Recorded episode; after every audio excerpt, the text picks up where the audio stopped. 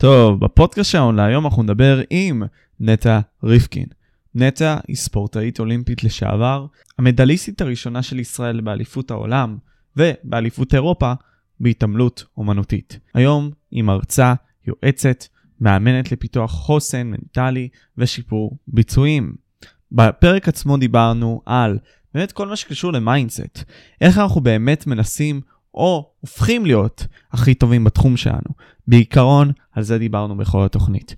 מקווה שתהנו, ובתקווה שכל אחד מאיתנו יגיע לאפשרות הזאת של להיות הכי טוב בתחומו. ויש לי עוד משהו להגיד, אני אשמח בבקשה שאם לא דירקתם את הפודקאסט עדיין, בספוטיפיי, אפל פודקאסט, איפה שאתם מאזינים, זה ממש יעזור לנו בסופו של דבר להשפיע יותר, להביא אנשים יותר משפיעים, ובכך להגדיל את הפודקאסט. אז זהו, מקווה שתהנו בהאזנה. תודה. הנה אנחנו בעוד פודקאסט של משה פבריקנט, בואו נתחיל.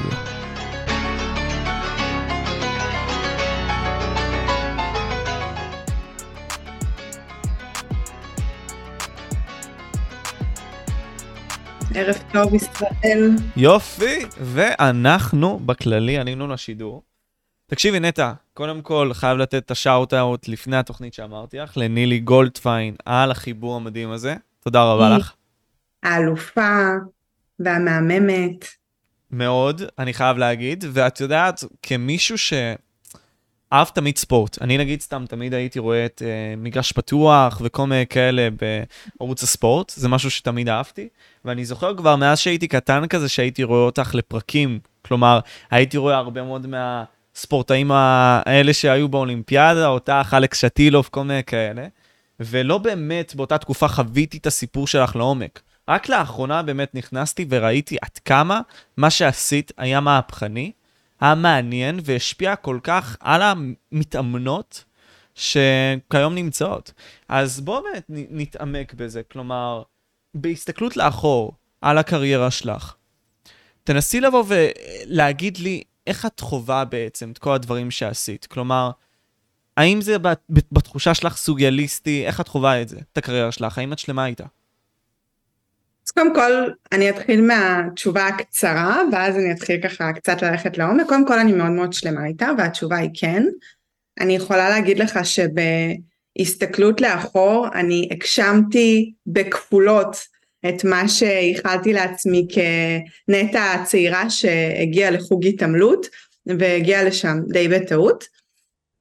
אני גם יכולה לשתף אותך שיש משהו בזיכרון שלי עם הפרק הקודם הזה בחיי, שהוא מאוד נע על הציר של זה הסתיים ממש הרגע, אבל זה כבר, אבל אני כבר בחיים ממש אחרים, אז לפעמים אני קצת מתקשה לחזור לאיך הייתי שם, ומצד שני אני מבינה שזו תשתית מאוד גדולה לכל מה שאני עושה היום.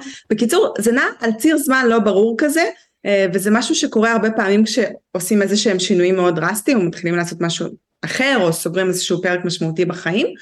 אבל אה, מבחינת השלמות, אני ממש שלמה עם הדרך, אני חושבת שהייתי עושה אותה בדיוק ככה שוב.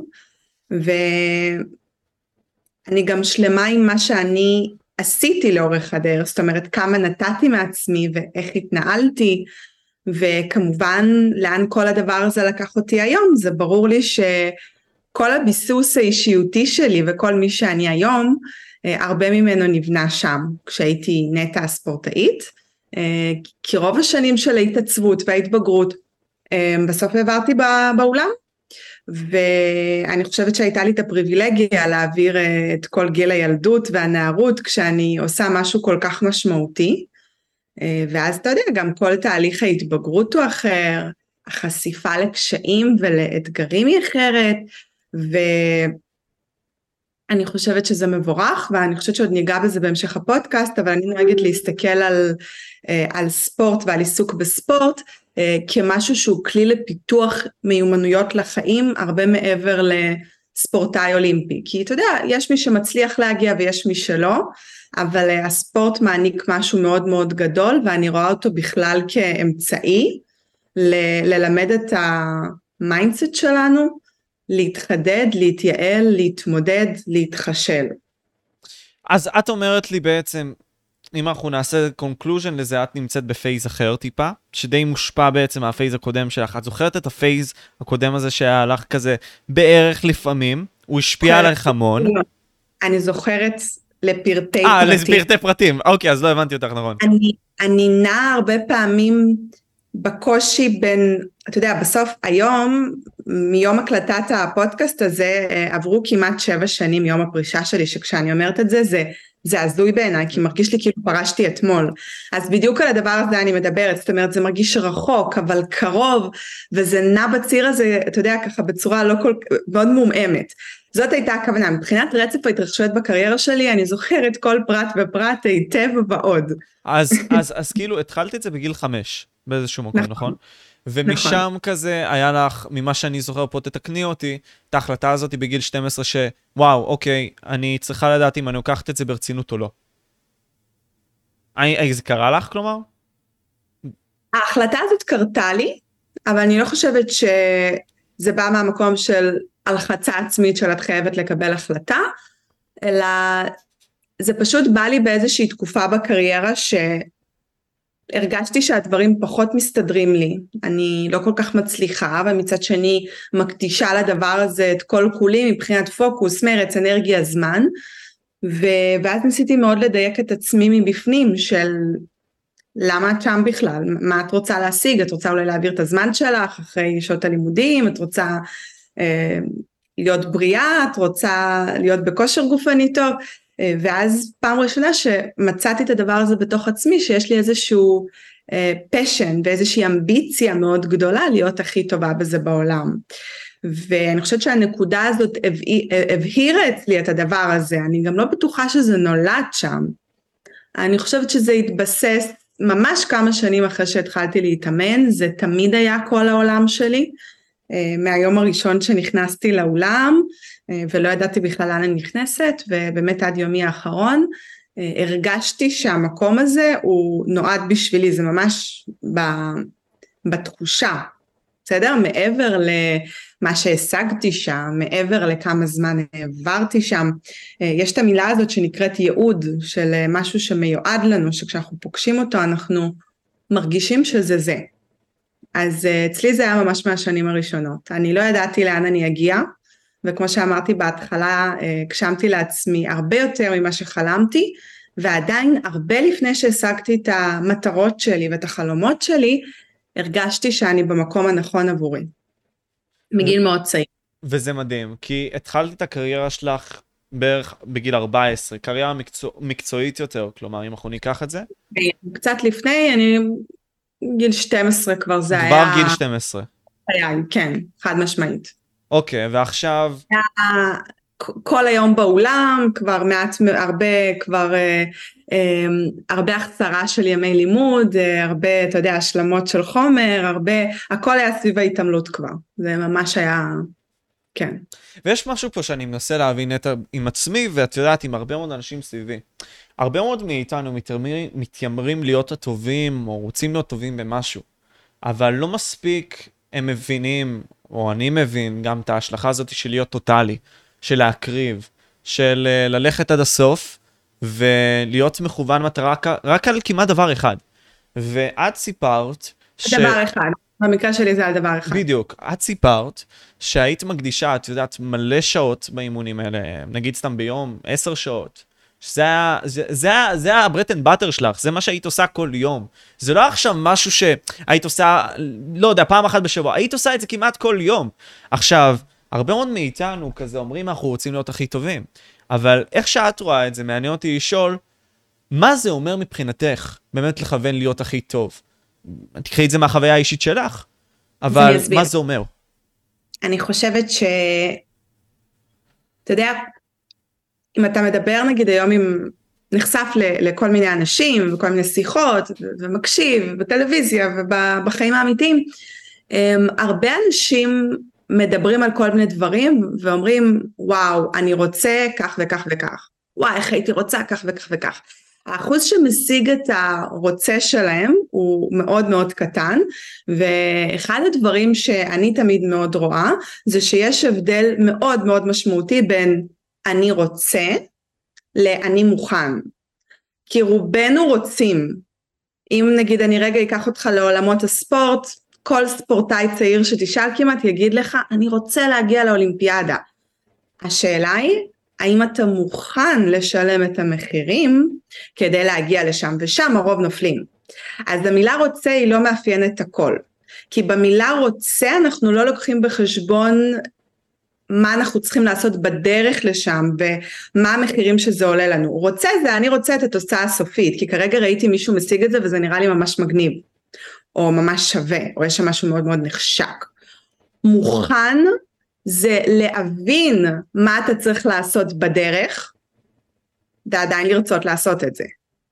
ולכן כשאדם מוכן לקראת הגשמת, אתה יודע, זה יכול להיות מטרה עסקית, יזמית, ספורטיבית, אז הוא יעשה כל דבר שיכול לקרב אותו אפילו במעט אה, אל עבר המטרה הזאת ואצלי זה היה ככה אני פשוט הייתי אני מגיל מאוד קטן זה בער בי אני מאוד מאוד רציתי וגם הייתי מוכנה אה, עם דגש על הכל לעשות כל דבר שביכולתי שיכול לקרב אותי אפילו צעד אחד אל עבר המטרה הזאת. זאת אומרת זה בכלל לא היה שאלה של זה יותר מדי, זה מוגזם, מה עוד אימון, אה מה צריך להתעורר ככה, לא אין, אם אומרים לי שזה מקרב אותי לשם או שזה איכשהו עוזר לי או מגדיל לי את הסיכויים, התשובה היא קודם כל כן, אה, אז אני הייתי מוכנה.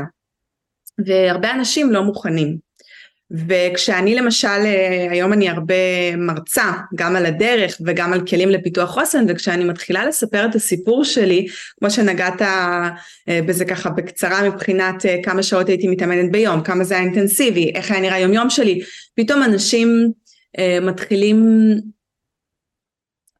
לאבד אותי במקום של וואו, אבל איך הצלחת לשרוד את זה? אוקיי? עכשיו פה נבחנת התשוקה שלנו למטרה. אם אנחנו באמת באמת רוצים, אנחנו ניסע כל איך בדרך שיקרב אותנו לאן שאנחנו רוצים להגיע ואצלי זה באמת כמו שאמרתי בא ממקום מאוד מאוד פנימי זה בא אה, מהבטן מהאני הפנימי שלי זה לא היה כדי להוכיח למישהו משהו זה היה פשוט בשביל עצמי ולכן היה לי מס, מספיק משאבים להתמודד עם כל האתגרים שהיו שם בדרך ו- והיו. אז את עשית בחירה מודעת, שזה מה שאת רוצה לעשות? מהחלטה מסוימת, את אמרת שזה משהו שבער בך, משהו שבאיזשהו מקום זאת הייתה השליחות שלך, אני מניח, שחשבת על הכדור הזה שהיא שלך. מכאן מגיעה השאלה, אוקיי, הקרבה. הקרבה זה עניין חזק. כלומר, יש את עקדת יצחק ועל הסיפור המדהים הזה שאני לפחות אוהב אותו, שבעצם בשביל להשיג את המטרה שלך, שזה נגיד סתם קבלת האמונה מהאל, שכאילו אלוהים יסמוך עליך, אתה תעשה משהו בשביל זה. אז הפוך, פה נסתכל על זה בסיטואציה הזאתי, בשביל להגיע למטרה שלך, אתה צריך להקריב דברים. מה את הקרבת? כלומר, את אמרת עכשיו, אה, לימודים, לא, החמצת הרבה, היית צריכה להשנים כל מיני כאלה, חברים. מה, מה הקרבת עוד חוץ מזה? אז אה, זמן איכות עם חברים, כל מה שקשור לחיי חברה, זמן איכות עם משפחה, זמן לעצמי, אה, תזונה מאוד מוקפדת, הרבה הקפדה על תזונה ועל משקל, ובעצם כל זמן חופשי שהיה לי, הייתי מתאמנת והייתי עושה הכל כדי להתחדד ולהשתפר בעוד ועוד ועוד. אני יכולה להגיד לך שבענף שאני באה ממנו, אה, ההקרבות הן אולי הכי הכי קשות, כי לא בכל הענפים מתאמנים עשר שעות אימון ביום. אה, אני, אני באה מאחד הענפים היחידים שהמספר שעות אימון ביום מגיע לכזה מספר שהוא קצת בלתי נתפס. ולכן גם אם לא תרצה אין שם, אין שם באמת זמן לעוד דברים אז אה, למעשה זה איפשהו אם נעשה איזושהי מטאפורה זה לשים את כל מה שאני אי פעם חשבתי או רציתי בצד ולהבין שכרגע אני all in בלהגשים לעצמי איזשהו חלום וכל הדברים האחרים נמצאים על standby. אה, אין כמעט זמן, אין, אין זמן כמעט לחברים, עוד פעם זה, זה, זה ממש בקטנות, אתה יודע אם יש לי איזה יום חופש אני יכולה רגע להיפגש עם חברה אבל יש לי גם המון סידורים לעשות ואני גם צריכה לנוע, זה, זה מאוד מאוד טוטאלי, המילה הזאת זה שאתה מבין שאין דבר כזה אוקיי זה כבר אה, מה שנקרא הגזמתם, מה שצריך עושים ועושים הכל. הכל, כי המוטיבציה היא כל הזמן לראות את מה אני רוצה להשיג בסוף, וזה מה שמאוד מאוד עוזר בדרך, כי רוב הימים שהתעוררתי בבוקר זה לא הדבר הראשון שרציתי לעשות, כן? אני רוב הימים ממש גררתי את עצמי לאולם והגוף כאב ו... ולא תמיד רציתי את זה, אבל הבנתי שזה לעשות עכשיו משהו שאני אולי לא כל כך רוצה, כדי להגשים לעצמי בעתיד חלום מאוד מאוד גדול, שאני ממש כמהה אה, ורוצה בכל ליבי להשיג, ואני תמיד אה, אמרתי לעצמי ש...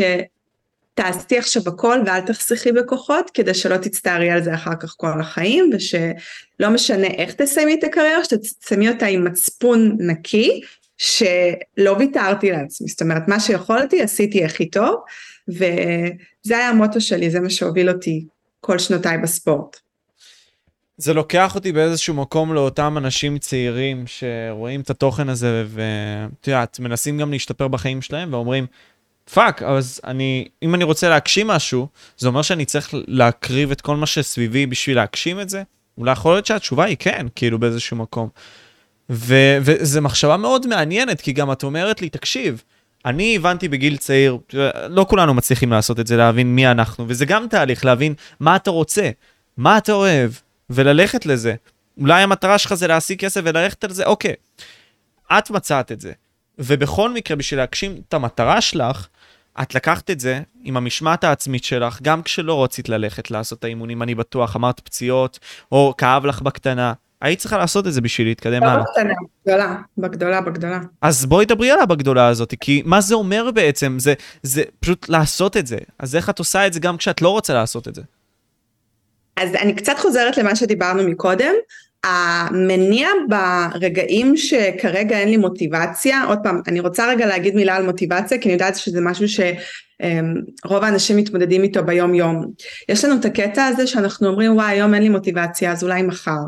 אז חשוב לי רגע לדבר על זה. המוטיבציה היא, היא לא יום אחד בבוקר דופקת בדלת ומגיעה, אנחנו חייבים לתת את הפוש הראשוני ואת ההנאה מהמקום של המשמעת העצמית שלנו. זאת אומרת, אנחנו חייבים למצוא את ה... למה זה טוב לנו, אם נכריח את עצמנו לקום עכשיו מהספה וללכת לאימון, מה אנחנו נקבל? כשנתאמן אנחנו נרגיש גאים בעצמנו ונרגיש טוב עם עצמנו ונרגיש מסופקים ומשם תתחיל להתגלגל המוטיבציה. זאת אומרת זה כל הזמן להבין מה הלמה שלנו, בשביל מה אני כרגע עושה את זה. כי אם אני הייתי הולכת אה, מדי יום לאולם ומתאמנת עשר שעות מדי יום אבל בסוף לא הייתה אולימפיאדה ולא הייתה אליפות עולם, אני לא הייתי מחזיקה, כי לא הייתי מבינה בשביל מה כל המאמץ הזה, אבל ברגע שאני כל הזמן רואה את, ה, את הקודקוד הזה, את הכוכב הזה על, ה, על, ה, על הקצה, את הפסגה של האברסט, את, אני מתארת את זה במטאפורה הזאת, כי אצל כל בן אדם זה משהו אחר, אז זה מניע אותנו לעשות גם כשלא בא לנו לעשות. אנחנו חייבים לראות את התפוקה שזה מביא לנו בהמשך. המוטיבציה הוא דבר מאוד מאוד דינמי שבא והולך, אבל כשאנחנו מפתחים את שריר משמעת העצמית שלנו, הוא נשאר שם איתנו, הוא הרבה יותר נאמן לנו, אנחנו לא יכולים להסתמך על מוטיבציה. אז רגע, אוקיי, אז בוא, בוא, בוא, בוא נדבר על זה. כלומר, את אומרת לי, נגיד סתם על פסגת האברסט, אוקיי? כלומר, אתה רואה את הפסגה, אתה רוצה להגיע אליה, אתה באמת חולם על זה, אבל יש דרך כל כך ארוכה להגיע לשם, שאתה אומר מצד אחד, אולי זה מפחיד מדי, אולי זה מונע אותך מאיזושהי פעולה, אבל מצד שני, אתה צריך להזכיר לעצמך את הלמה שלך. אז האם כן צריך להסתכל על הפסגה הזאת כל יום ולהזכיר לעצמך, זה למה אני עושה את זה? או איך אני אמור לעשות את זה, נטע, לדעתך? שאלה מדהימה מדהימה, אז אני רגע אפתח לך חצי תהליך ממה שאני עושה תמיד עם המתאמנים שלי באימונים מנטליים, כי זה מה שאני עושה היום בעיקר, ברבדים וסוגים שונים. אז למעשה אני מדמה את זה לשני שבילים שאנחנו בכל רגע אמורים ללכת עליהם, זאת אומרת רגל ימין נמצאת בשביל אחד, שהשביל הזה הוא מתפקס במטרה הסופית שאליה אנחנו רוצים, רוצים להגיע. זה האולימפיאדה, זה אה, קצה ההר, זה האקזיט, זה כל אחד והמשהו שלו. ברגל שמאל שלנו אנחנו צועדים על המסלול ששם כל הפוקוס הוא על הפעולות שלנו. זאת אומרת אנחנו תמיד once רואים את מה אנחנו רוצים להגיע אליו ועם הרגל השנייה אנחנו כל הזמן מציבים לעצמנו, אני קוראת לזה מטרות תהליך. מטרות תהליך הן קשורות לכל מה שנמצא בשליטה שלנו הבלעדית. המטרות הסופיות שלנו לא נמצאות בשליטה שלנו, אבל אנחנו כן יכולים להחליט מה אנחנו מוכנים לעשות במטרות, תהליך, כדי להגיע למטרה הסופית. אז אני מאוד מאמינה, וזה גם משהו שאני מאוד יישמתי כספורטאית, אמ, כשהייתי כזה הולכת לישון בלילות או קמה לבוקר חדש, הייתי מדמיינת בראש לאן אני רוצה להגיע ב... בסופי שלי, ביעד הסופי. זה אוקיי? היה כל לא יום? השתדלתי כל יום, כן, וואו. ממש. כאילו לדמיין את זה. אבל בסוף כשהייתי באה לאולם, אני לא הייתי רואה אולימפיאדה, אולימפיאדה, אולימפיאדה, אני בסוף הייתי מסתכלת על איך אני היום, לעומת איך הייתי אתמול. ואני יכולה להגיד לך שאפילו הנטייה הטובה היא להתפקס יותר במטרות התהליך שנמצאות בשליטתנו המלאה ואני אסביר למה. כשאנחנו עדיין נמצאים רחוק מהאולימפיאדה הזאת שלנו או רחוק מקצה ההר, לפעמים בהסתכלות רק לשם אין לנו מספיק מוטיבציה ואמונה ותקווה כי אנחנו עוד מאוד מאוד רחוקים. ושם אנחנו צריכים מאוד מאוד להשוות אותנו לעצמנו. זאת אומרת זה אפילו לא אה, לצורך העניין לבוא לתחרות ולנצח אותה, אלא זה להשתפר אפילו במעט מאיך שאני הייתי בתחרות הקודמת. אה, אם זה במיקום יותר גבוה, אם זה שהציון יהיה טיפה יותר גבוה, אבל ההסתכלות הזאת, ואני יכולה להגיד לך שלאורך רוב הקריירה שלי, אני באמת באמת הייתי עם פוקוס מלא על עצמי. וזה ממש baby steps, זה כל פעם קצת, זה כמו מדרגות, יש לך 100 מדרגות, אתה כל פעם עולה מדרגה, אתה לא יכול לקפוץ מדרגה עשירית למדרגה חמישים. במדרגה, במדרגה המאה מחכה לך אולימפיאדה. אבל לשם אנחנו עולים step by step וזה לוקח ימים חודשים שנים אה, הרבה עבודה קשה הרבה עליות וירידות. אגב עוד משהו שחשוב לציין זה שההשתפרות שלנו היא, היא לא נעשית באופן אה, סיסטמטי, זאת אומרת אנחנו משתפרים ואז פתאום לפעמים אנחנו נופלים או עוצרים במקום ואז צריך שוב לחזור ולצבור את כל מה שכבר השגנו וזה בסדר, ככה נראה פרוסס, זאת אומרת הוא תמיד, אני מאוד מדמה אותו אם אנחנו רגע נצייר את זה, זה כמו רכבת הרים, אנחנו למטה, למעלה, למטה, באמצע, בסוף, בסוף, בסוף, אנחנו מסיימים שם בקצה העליון, אם אנחנו לא מוותרים בדרך. וזה עוד משהו שאני תמיד שמה עליו דגש. אנחנו אף פעם לא יכולים להבטיח לעצמנו כמה זמן ייקח לנו להגיע למטרה שלנו, אבל אנחנו יכולים להבטיח לעצמנו שאם אנחנו לא נרים ידיים ולא נוותר, אנחנו נגיע בסוף. אין לנו עוד אופציה. בסדר? זה פשוט יכול לקחת יותר זמן או הרבה יותר זמן ולכן אני רגע מכניסה פה פעם ראשונה את המושג הזה שנקרא חוסן מנטלי שהיום אני מאוד מאוד מתפקסת ומנסה להשריש את זה בכמה שיותר אנשים כי אם אנחנו נוכל להתאושש אם רמת ההתאוששות שלנו תהיה טובה ויהיה לנו את היכולת להתאושש אחרי שלא יצא אחרי שנפלנו אז יש לנו הרבה יותר סיכוי שגם נגיע לחלום ולמטרה הגדולה. לקחתי מפה בינתיים שלושה דברים, כלומר להזכיר לעצמך בעצם את המטרה הגדולה. מדי פעם, כלומר, באפשרות כל יום, בעצם להזכיר לעצמך את הלמה הזה, כי זה חשוב, גם כשאתה חווה את הכאב ואת, הר... ואת הדברים הפחות יפים והפחות כיפים בכל התהליך, זה מה שבעצם מחזיק אותך, זה הדבר הראשון. דבר שני זה כלומר, זה לא בהכרח משנה בעצם, כלומר זה כן משנה בעצם כמה זמן זה ייקח לך, אבל אתה צריך להתקדם, זה מה שחשוב. כלומר, מצד אחד אתה מסתכל על ההר, אבל אתה מפרק איך אתה מגיע לשם, ואתה מנסה להבין איך אתה מגיע לשם בצעדים. כלומר, אתה מנסה להבין האם אני צריך לעלות דרך ההר הקטן הזה, בשביל עוד כמה זמן, אני לא יודע מתי, להגיע להר הגדול. אז כלומר, לפרק את זה לשלבים. חד משמעית, ואני אוסיף עוד דבר, אנחנו צריכים לפרק את זה לשלבים מעוד סיבה. אה, אם יש לנו רק את המטרה הגדולה ולצורך העניין ייקח לי עכשיו כמה שנים להשיג אותה, אני לא יכולה עכשיו להתקיים שלוש שנים בלי להרגיש שהצלחתי, שניצחתי, ולכן אנחנו מפרקים את זה לניצחונות קטנים. יש את המטרת העל, ובדרך אליה יש כל מיני יעדים שהם יותר שבויים, חודשיים, אה, רבעוניים, ואז כשאנחנו משיגים אותם, התחושה הזאת של הצלחתי, של שמתי וי על מטרה, התחושת סיפוק הזאת, האדרנלין, הגאווה העצמית, זה מה שנותן לנו את הדרייב להמשיך ולעבוד קשה. אנחנו לא יכולים, כמו שאמרתי מקודם, רק לעבוד קשה בלי להרגיש שהגענו למשהו. ולכן מאוד מאוד חשוב להגדיר מטרת על, מטרה גדולה, ואז לפרק את זה ליעדים, אה, כל אחד תלוי בסוג מטרה ולכמה גדול הוא מותח אותה, וזה יכול להיות חודשיים, זה יכול להיות אפילו שבועיים, אבל להרגיש שאנחנו משתפרים, אנחנו צריכים להרגיש את השיפור, להרגיש את הגדילה, ואיך נרגיש אותה? אם נדע רגע לכוון לאן אנחנו רוצים להגיע, כי אז אנחנו נוכל למדוד את עצמנו. אם אנחנו סתם קמים כל בוקר ועושים הכי טוב שלנו, מאוד קשה לנו גם אם אנחנו משתפרים למדוד את זה. וואו, זה חזק. ולכן חשוב מאוד להציב מטרות. אז גם אמרת את התנודתיות הזאת שאמרת בעצם, הרכבת הערים הזאת, זה לא באמת משנה אם אתה נופל יום אחד, כל עוד אתה קם למחרת, כשהשמש זורחת ואתה עושה את מה שאתה אמור לעשות. תראה, אני, יש משהו שאני מאוד מאוד מאמינה בו, וזה תמיד מאוד עוזר כשאנחנו נמצאים ב... לא בטוב, בלמטה. בסוף יש לנו שני אזורים בחיים. יש לנו אזור אחד שנקרא אזור הנוחות. באזור הנוחות אנחנו לא מתאמצים, אנחנו לא חוששים, אנחנו לא מפחדים, מאוד פנן לנו, מאוד כיף לנו, מאוד נוח לנו, רק יש אבל אחד, אנחנו לא מתקדמים לשום מקום ולא גודלים לשום מקום.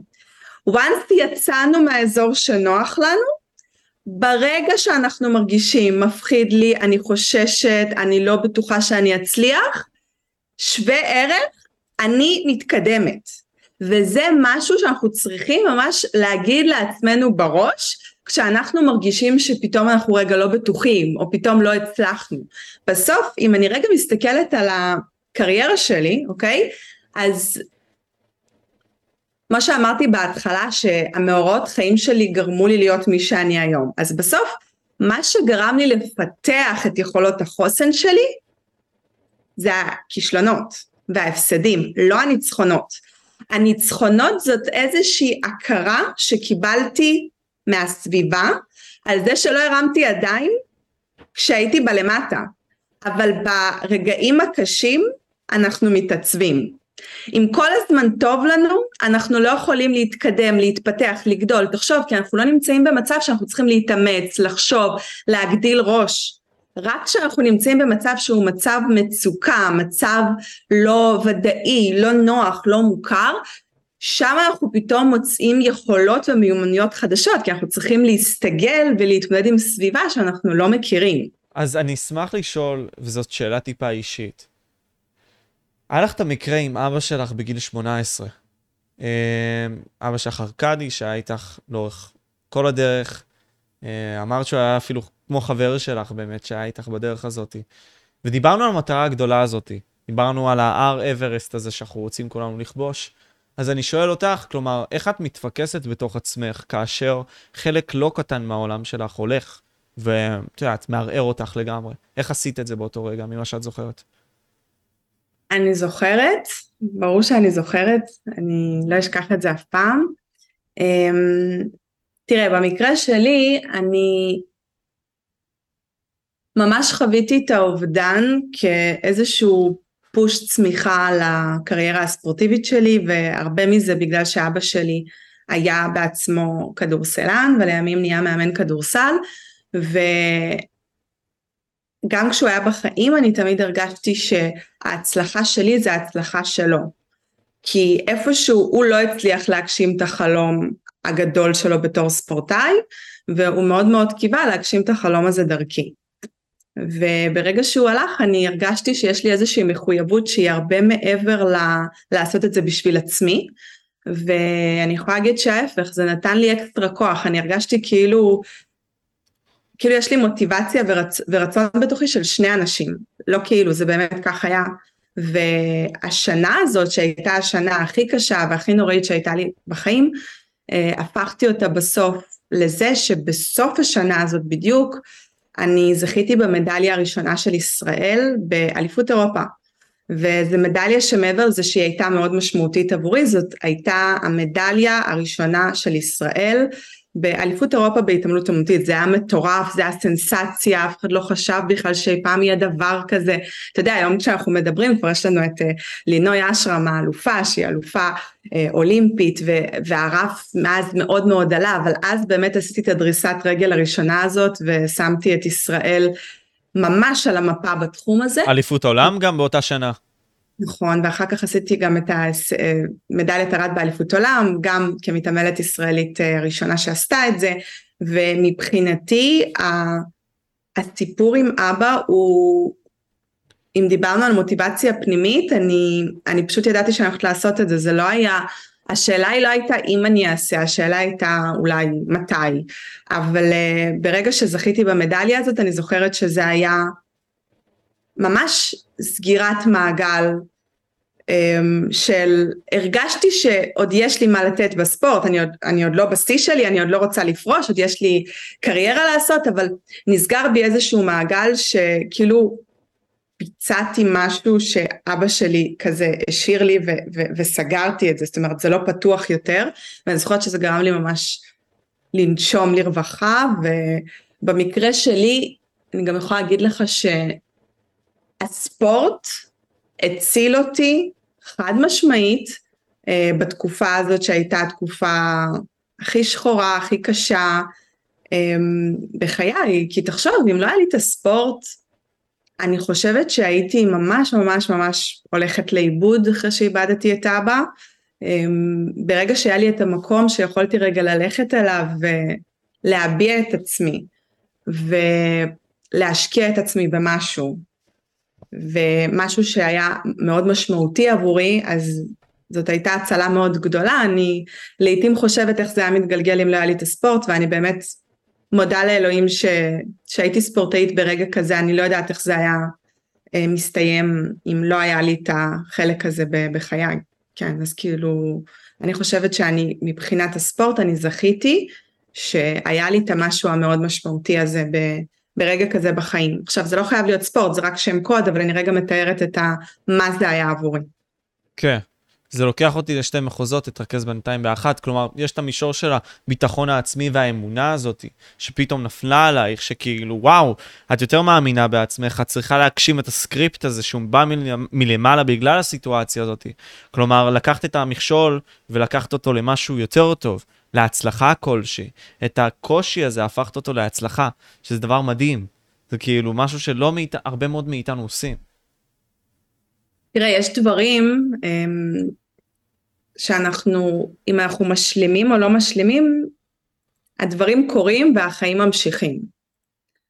עכשיו, יכולתי לתת לזה לפרק את הקריירה שלי, אבל החלטתי ש...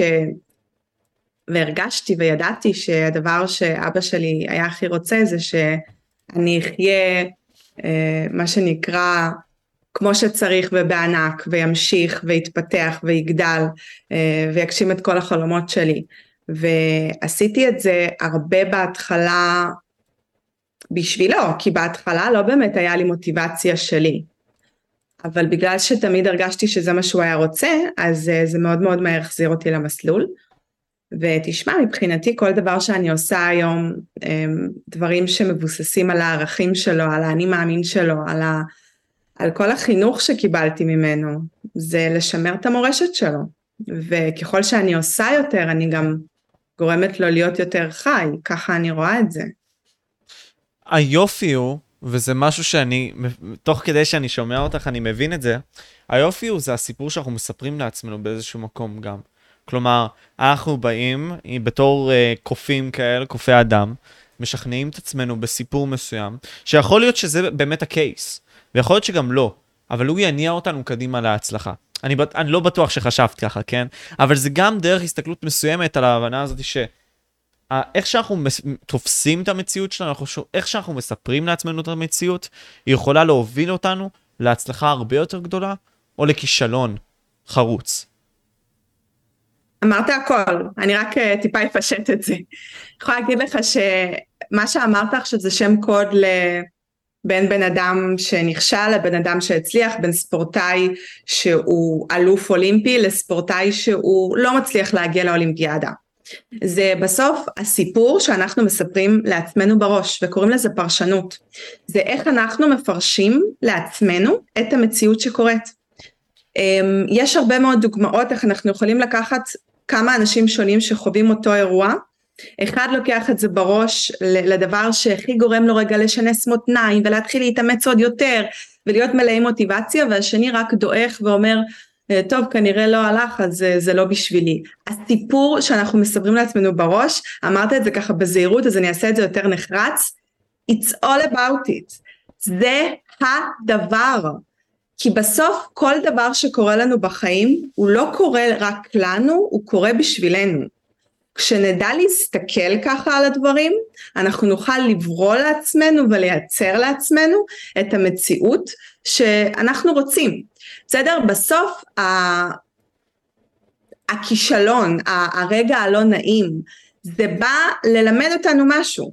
עכשיו בן אדם שאין לו מספיק את הכלים ואין לו מספיק את ה-resilience ואת העמידות הנפשית הזאת, הוא ישר לוקח את זה למקום, נגיד קיבל איזשהו לא לאיזשהו תפקיד שהוא התראיין עליו, הוא אומר טוב זהו אני כנראה זה לא מתאים לי זה לא בשבילי. בן אדם אחר יתחקר יבין למה הוא מה שנקרא לא יתקבל, הוא ילך אולי ויפתח עוד איזה מיומנות וזה יגרום לו בסוף אולי בזכות המיומנות הזאת להתקבל אפילו לתפקיד עוד יותר בכיר מזה שבו הוא קיבל לא, זה סתם דוגמה בסיסית, זאת אומרת זה הכל הכל שם.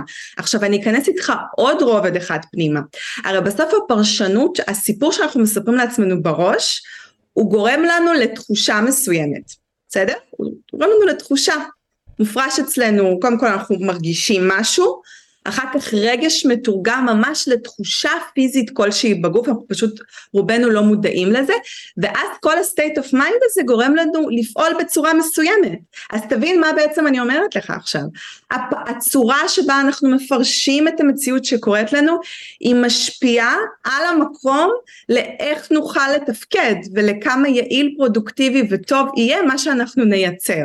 ובגלל זה אתה ממש הרמת לי להנחתה כי כל העבודה הזאת עם ה mindset שזה מה שאני משקיעה היום ימים ולילות זה, זה, זה התחום שבו אני מושקעת ומאוד מאוד נהנית מכל שנייה ביום שאני עוסקת בזה בללמד אנשים איך לתפעל את המכונה המטורפת הזאת שנקראת המוח שלנו כי זה כמו שאם אני עכשיו אה, אקח אה, נגיד אה, הגיע אליי מדיח כלים חדש הביתה okay. אוקיי. ואני לא אשתמש בהוראות הפעלה אבל אני סתם אתחיל ללחוץ על כפתורים כנראה שזה לא יעשה את הפונקציה שהוא אמור לבצע אבל למוח יש חוקים והוראות הפעלה מאוד מאוד ברורים שהם פועלים אותו דבר אם אנחנו חושבים חיובי או שלילי. אם אנחנו רוצים להגשים לעצמנו את החיים הטובים המאושרים אה, המלאי משמעות אנחנו פשוט צריכים לפעול לפי ההוראות. עכשיו כדי לפעול לפי ההוראות צריך לתרגל את זה. כי המוח שלנו יצור הישרדותי בסדר? אז בטבע שלנו אנחנו נמנעים מלסכן את עצמנו, אנחנו נמנעים מלהיכנס למקומות שאנחנו כזה לא בוודאות מלאה. ולפתח את ה mindset הזה, זה דורש עבודה, השקעה, מודעות וכמה שיותר ניסיונות בשטח של כמו שדיברנו מקודם לצאת מאזור הנוחות, לצאת מאזור הנוחות ואז כל פעם אזור הנוחות עוד טיפה גדל. התפיסה הזאת של המציאות בסופו של דבר, כמו שבעצם את אמרת, מקדמת אותנו קדימה. כלומר, אם אני, סתם דוגמה, אקח את הלא הזה, שכל הזמן אומרים לנו, אוקיי? לא כי אנחנו עכשיו מנסים משהו חדש, ואנחנו עדיין לא הגענו לעמדה הזאת שמגיעה לנו, סתם דוגמה. את יודעת, כשהתחלתי, היה לי מל... לא הרבה לא, אבל היה לי לא, לאורחים מסוימים. והפכתי את הלא הזה לכן בכך שפשוט השתפרתי. והפכתי את עצמי ליותר טוב. אני חושב שזה לכל אחד מאיתנו ככה, כלומר, בין אם זה בהזדמנות כלשהי, אם אנחנו מביאים yeah. ערך אחר, משתפרים, נעשים יותר טובים וכל מיני כאלה, מביאים בעצם לאדם האחר את מה שהוא רוצה, רוב הסיכויים התשובה תשתנה. תראה, בסוף יש משהו שאני מאוד אוהבת להגיד. אין אנשים שלא נכשלים. אין, אין ספורטאים שלא מפסידים, גם אם תיקח עכשיו את הספורטאים הכי מאותרים בעולם.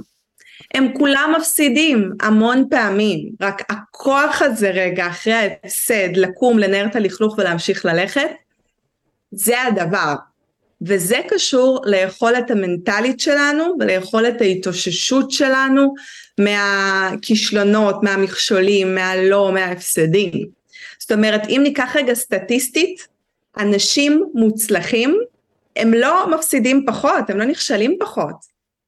נהפוך הוא, הם פשוט כל פעם קמים וממשיכים ללכת, וכשאנחנו רגע מבינים את המשפט הזה שאמרתי עכשיו, מה זה בעצם אומר? שכולנו חווים אותה דרך, פשוט מישהו ממשיך ללכת ומישהו באיזושהי תחנה אומר אוקיי זה לא בשבילי ויורד מהקרון.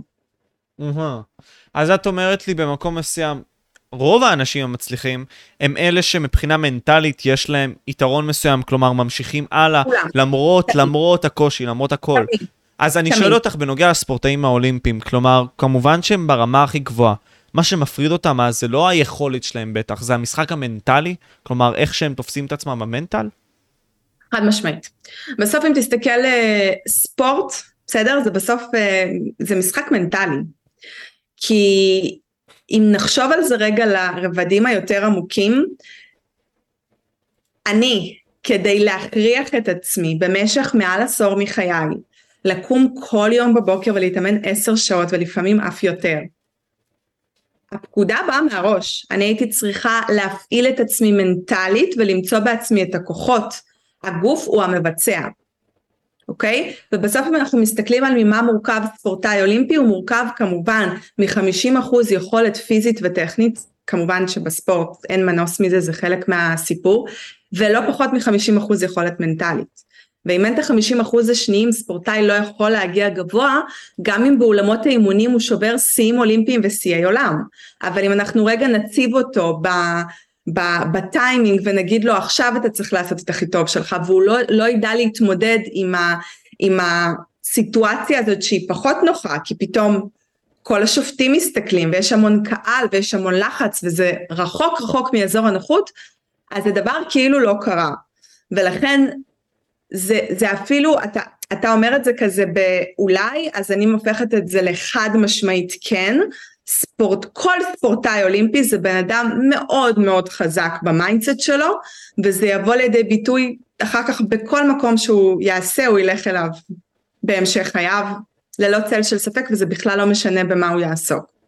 אז רגע נטע, אז תסבירי לי את זה. כלומר, את אומרת לי שכמובן יש את המישור של היכולת הגופנית הזאת שכמובן משרת אותנו, ואת אומרת שנגיד סתם, אתה מגיע לבמה הגדולה, אוקיי? ואם נניח אתה לא יודע להתמודד איתה, או אפילו קרה לך משהו בחיים האישיים, ואתה לא יודע איך להתמודד עם זה, ואתה נגיד סתם ב-30% מהיכולת המנטלית שלך ולא ב-40%, זה יכול לשנות לך הכל.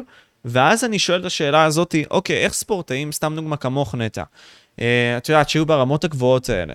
מה זה אומר בעצם להיות עם ה mindset המנטלי הנכון? כלומר, מה, מה, מה זה בעצם אומר? איך את באמת מנסה לשמור על זה ככל האפשר ברמות הגבוהות, באחוזים הגבוהים? אז קודם כל הנקודה שנגעת בה שלפעמים קורים דברים בחיים האישיים אז באמת לא מזמן כאילו הרגע דיברנו על, על, על המקרה שלי עם, עם אבא שלי אז זה בדיוק זה זה בסוף הידיעה ש, כשאני עולה על המשטח, אם אני מגיעה לתחרות ועולה על המשטח, השופטות לא שופטות אותי על בסיס כמה קשים החיים שלי כרגע, הן שופטות אותי על בסיס מה שהן רואות על המשטח. ולכן מאוד חשובה המיומנות של להבין שצריכה להיות היכולת לשים הכל בצד, לגמרי לגמרי, ופשוט רגע לצאת, להתנתק מכל מה שקורה כרגע, ולעשות את מה שצריך לעשות. עכשיו, ה mindset הזה זה מאוד מאוד קשה להסביר את זה עכשיו כמה דקות בפודקאסט, כי זה באמת קשור להרבה מאוד תהליכים ארוכי טווח שאני מעבירה באופן אישי, אבל אני אתן לך את מה שנקרא את הראשי פרקים. קודם כל מה שנגענו בעניין הפרשנות והסיפור בראש, זה הרבה יושב על ללמוד לדבר בצורה נכונה עם עצמנו. עכשיו צורה נכונה זה גם קודם כל דיבור חיובי ולא שלילי, אבל אה, יש שם עוד המון ניואנסים קטנים ועוד המון המון אה, אה, מה שנקרא דגשים על איך לעשות את זה נכון. הקול הזה שנמצא אצלנו בראש זה הקול היחיד שאנחנו הולכים לשמוע כל החיים. מהרגע שנולדנו עד הרגע שנלך מכאן, היחיד. ולכן מאוד מאוד חשוב לטפח את המערכת היחסים הזאת. לדעת להציב מטרות בצורה נכונה, לדעת uh, להפעיל, להפעיל ולפקס את עצמנו על הדבר העיקרי ולגמרי לעמעם רעשי רקע, זאת אומרת להבדיל עיקר טפל. יש פה המון המון ניואנסים שהם, אתה יודע, הם לא נקלטים בבום, זה דרך של שנים שחלקה עם מיומנות בשטח, שספורטאי ככל שהוא עובר יותר תחרויות, הוא יותר מכיר את עצמו, יותר נחשף ל- ל- לאזור שהוא לא נוח, וגם הוא הולך ועובד על הפיתוח חוסן הזה. בללכת וללמוד ולתרגל ולעשות עבודה שהיא רוב רובה קורית בסוף בראש, היא עבודה שפחות נראית כלפי חוץ. ו, ובסוף אתה יודע כשספורטאי מגיע לאולימפיאדה הוא כבר כל כך ה mindset מוכן זאת אומרת ה mindset הוא כבר uh, עשה את המחנה אימונים ושם צריך לאסוף הכל ביחד ו, ו, ולהשתדל שזה יצא לפועל. גם זה לא תמיד מצליח למה אני אומרת להשתדל כי ראינו יש גם ספורטי על ענקיים שפתאום באים לאולימפיאדה ופתאום משהו מתפספס כי בסוף זה ההבדל בינינו לבין רובוטים ומכונות, אנחנו עובדים ומכוונים ו- ועדיין יש כל כך הרבה ניואנסים שיכולים ל- ל- להשפיע לנו על התודעה ועל ה mindset. אז uh, אם אנחנו נמצאים בתחום שהוא הישגי, אה, והוא לא איזה פעולה רפיטטיבית של אני עכשיו לא יודעת עובדת כמוכרת אני מגיעה לחנות יש לי א' ב' ג' ד' אלא משהו שהוא יותר אה, אה, כל הזמן דורש מאיתנו להתפתח ולגדול ולעשות דברים יותר טוב ולהשיג יעדים יותר גדולים אנחנו חייבים ככל שאנחנו גדלים ב... גדלים ביכולות שלנו המקצועיות בתחום שאנחנו עוסקים בו אנחנו חייבים להקדיש יותר זמן לפיתוח של החוסן המנטלי שלנו. כי מה קורה ככל שאני נגיד הרגשתי על עצמי שאני ספורטאית יותר גדולה וכבר אתה יודע תורת הישגים וכבר מוכרת ומדליות ואליפויות עולם אז פתאום גם הסביבה שלי מצפה ממני ליותר ואז מבחינה מנטלית אני נחשפת ל... לכל מיני ניואנסים וכל מיני דברים שכשהייתי אה, נטע שמתאמנת באגודה שלה ואף אחד לא מכיר בכלל לא הייתי צריכה את המיומנויות האלה. כאילו יש לך פתאום יותר לחץ שאת לוקחת על עצמך. חד משמעית ולכן כשאנחנו גדלים בתפוקה בהישגים, במיומנויות, במקצועיות, אנחנו חייבים להגדיל גם את הקפסיטי של היכולת שלנו להתמודד עם, אה, עם האתגרים המנטליים, שככל שאנחנו עולים גבוה יותר, האתגרים המנטליים גם גדולים יותר. זה מעניין, כי בעצם את מגיעה למקומות שלא הרבה נמצא, נמצאים שם, אז כלומר יש הרבה יותר בעיות שאת צריכה לפתור. והבעיות... וגם יש מעט יותר אנשים שמתמודדים עם הבעיות האלה. כן, אז התובנות האלה הן לא, בוא נגיד ככה, כלליות, לא משתפים אותן בהכרח כולם והכל, אז זה הרבה יותר קשה בעצם. וגם יכולות להיות בעיות פרסונליות, כלומר, אתה מגיע למקום מסוים, כן? מקום שאתה מנסה להיות בו הכי טוב, ואתה למעלה שם, ואולי יש בודדים. מי אמר בכלל שהבעיות שלהם הן קרובות לשלך גם. יכול להיות שזה בעיות משפחתיות, יכול להיות שזה בעיות בכלל, את יודעת, חבר שנפרד ממך. ואת צריכה לבוא ולהתמודד עם זה, כי אחרת בתחרות עצמה תיפלי. נכון, הבעיות הן שונות, אבל כשיודעים לעבוד נכון עם ה mindset, אז הצורה שבה הבעיה יכולה להשתנות, אבל היכולת שלי להשתלט על סיטואציה, היא נשארת. Mm. ולכן ככל שמפתחים ועובדים על זה, אז uh, זה בדרך כלל מתחזק ככל שאנחנו מתקדמים עם החיים קדימה. אוקיי. Okay. אמ, um, את אמרת גם על העניין הזה של להתפקס בתוך עצמך, כלומר להתפקס בתוך, נגיד סתם, את התפקסת בתוך נטע, וניסית להבין את הנטע הזאת, ניסית לנתח אותה, בשביל להגיע ל... למדליה הזאת, בשביל להגיע לאולימפיאדה הזאת. מה זה אומר בעצם להתפקס לתוך עצמך ולהיות מפוקס רק בעצמך, ככל האפשר, כן? כלומר, יש משפחה, חברים, ערף, אבל כמעט כל האחוזים כלפי עצמך. תראה, אני תמיד הייתי, אה, בדמיון שלי הייתה לי איזושהי מין פירמידה כזאת, אה, פירמידת צרכים, רק שאצלי לא הייתה, היא לא הייתה נראית כמו הפירמידה הרגילה של הצרכים, אצלי קודם כל, מה שהיה בקודקוד של הפירמידה, זה האם זה תורם או לא תורם לנטע הספורטאית. וואו, זה פוקוס לי, מטורף. זה היה אצלי לפני הכל, אם, אם שם הדבר היה נופל, נגיד אם זה משהו שהוא מסכן אותי בריאותית, או לא טוב לגוף שלי, או, או, או לא טוב כרגע ל mindset שלי, או לא משנה מה, הדבר הזה היה יורד, וככה הייתי מקבלת החלטות, וזה זה, זה כנראה הדוגמה הכי אה, ככה בהירה לתאר את אה, מידת הפוקוס. עוד דבר שתמיד הייתי עושה, כשהייתי אתה יודע, יש המון המון רעשי רקע שהם מאוד מסיטים, לפעמים אתה, יש קנאה, לפעמים יש כל מיני מאבקים כאלה פוליטיים, ו, ויש כל מיני, לא יודעת, יריבות שאולי מדברות, לא חסר, אתה יודע, נמצאים בעולם הישגי תחרותי, אז יש גם את החלק הזה, ואז זה ללמוד, לסגור את עצמך, אז אני הייתי ממש מדמה שאני נמצאת בתוך בועה, ואני מכניסה פנימה רק את מה שאני מחליטה להכניס, לא את כל מה שקורה, ולאט לאט אימנתי את עצמי פשוט לא להכניס פנימה את מה שמסית. עכשיו להגיד לך שהצלחתי במאה אחוז מהפעמים? כמובן שלא, אבל אה, זה משהו שהיה תמיד בפוקוס ותמיד מאוד עמדתי על המשמר וניסיתי מאוד מאוד אמ, לקחת את עצמי להתפקס רק על הדברים שבסוף מקדמים אותי להשיג את, ה, את היעד שלי. ואתה יודע, אם אנחנו מסתכלים על החיים היום בחוץ, אפשר מאוד לקשר את זה ל, לכל העולם היום שהוא מאוד מאוד מלא בהסחות דעת. ואם אתה לא מפוקס על מה שאתה רוצה להשיג, אין, אין תקופה שיותר קל לאבד פוקוס משנת 2023 כשיש לך כמות גירויים בלתי נתפסת בכל שנייה.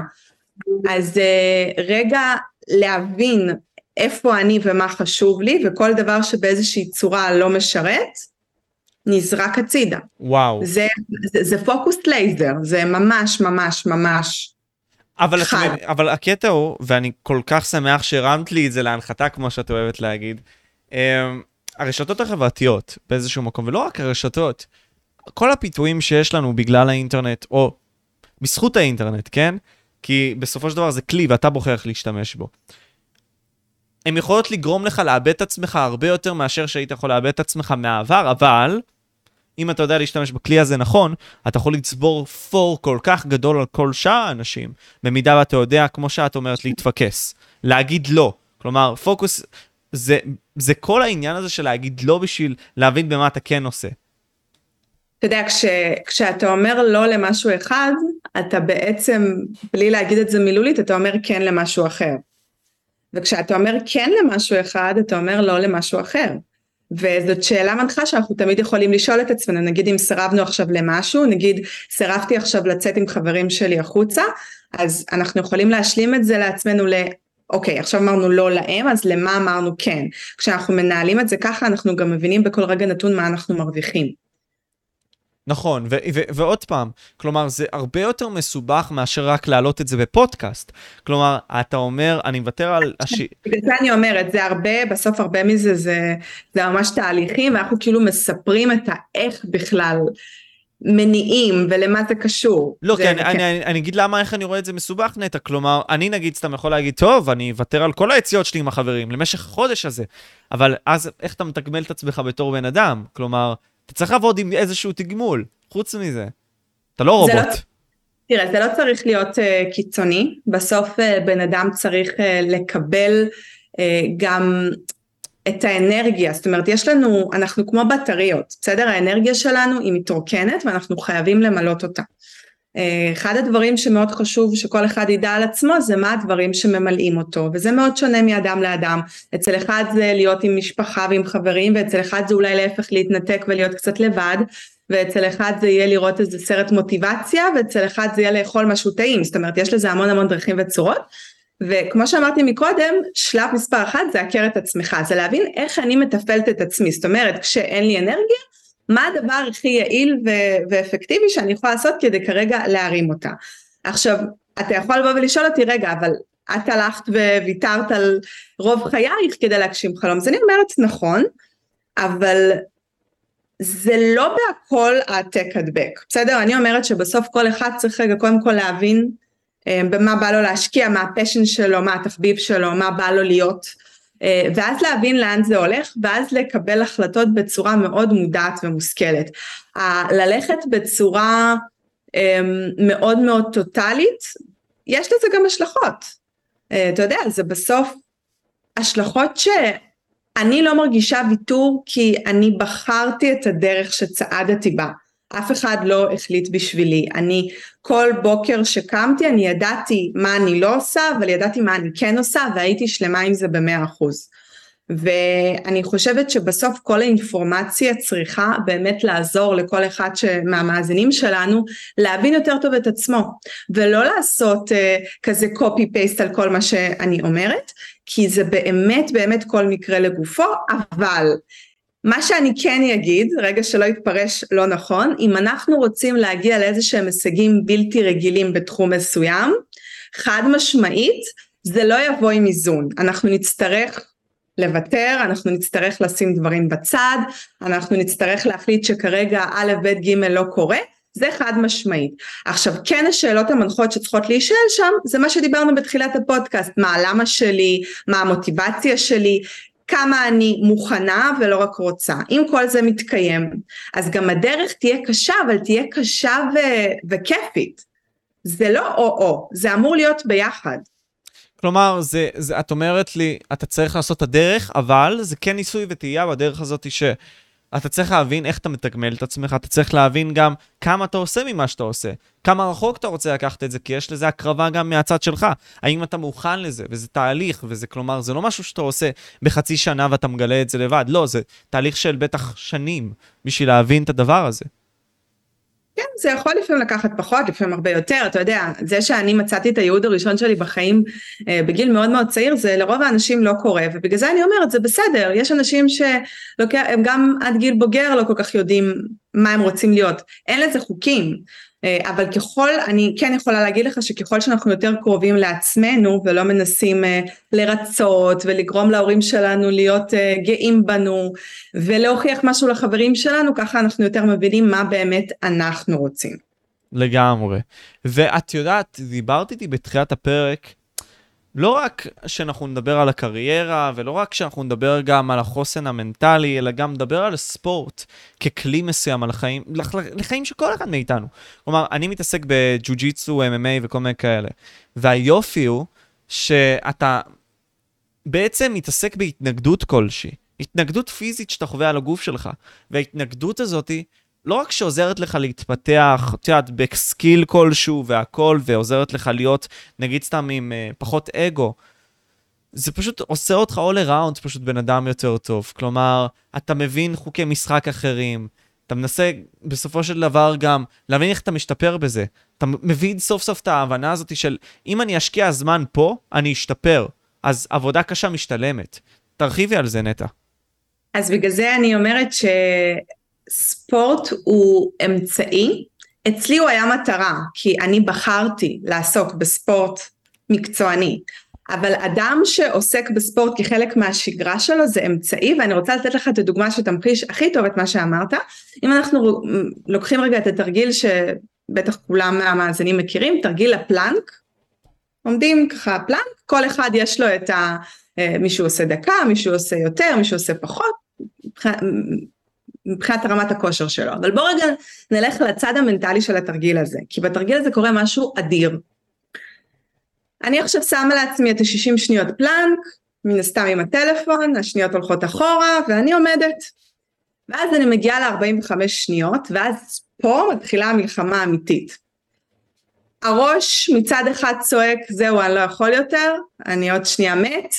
הצד השני צועק עוד קצת, עוד קצת, עוד קצת. צד אחד צועק זהו אני עוד שנייה מתרסק, הקול השני אומר רגע את עוד שנייה שם, את עוד חמש שניות שם, עוד ארבע שניות שם, זאת אומרת מה שקורה בתרגיל הפלנק זה ההדמיה למה שקורה לנו כשאנחנו עוסקים בספורט. ואם אני עכשיו אה, יוצאת לעשרה קילומטר ריצה ואני עושה את החמישה שישה קילומטרים הראשונים בסבבה המלחמה המנטלית שלי מתחילה בחלק האחרון, כאילו כמובן כל אחד ורמת הכושר שלו, והרבה אנשים בלי לדעת את זה, הם למעשה עושים, עושים לעצמם אימון מנטלי על בסיס יומיומי או שבועי, זאת אומרת כשאדם עוסק בספורט זה שחור על גבי לבן שהוא חזק יותר מנטלית גם אם הוא לא הולך ועושה אימון מנטלי כי הוא עובד על השריר הזה ברמה היומיומית.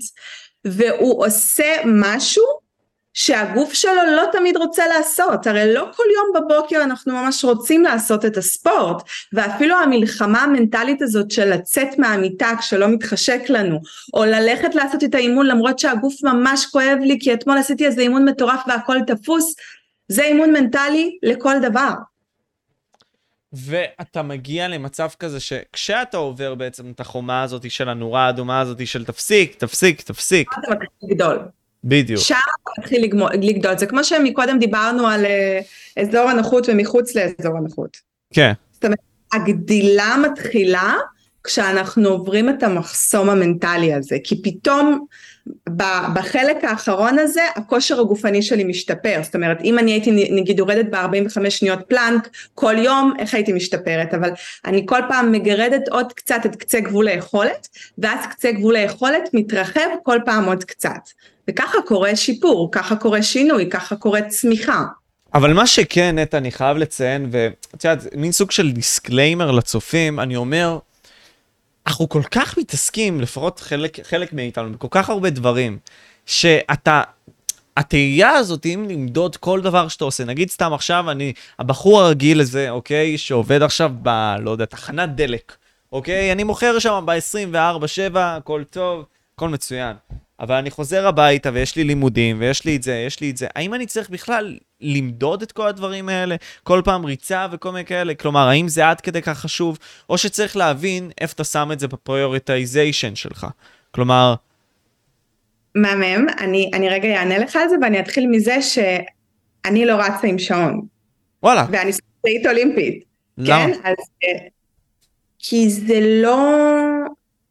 אני, קודם כל אני בן אדם מאוד תחרותי, אה, יעידו חבריי, מכריי, משפחתי, אבל אה, משהו בריצה, אני הפכתי אותה למקום שהוא אה, מעין מפלט, שאני לוקחת את זה בכלל יותר למקום מדיטטיבי כזה, ללרוץ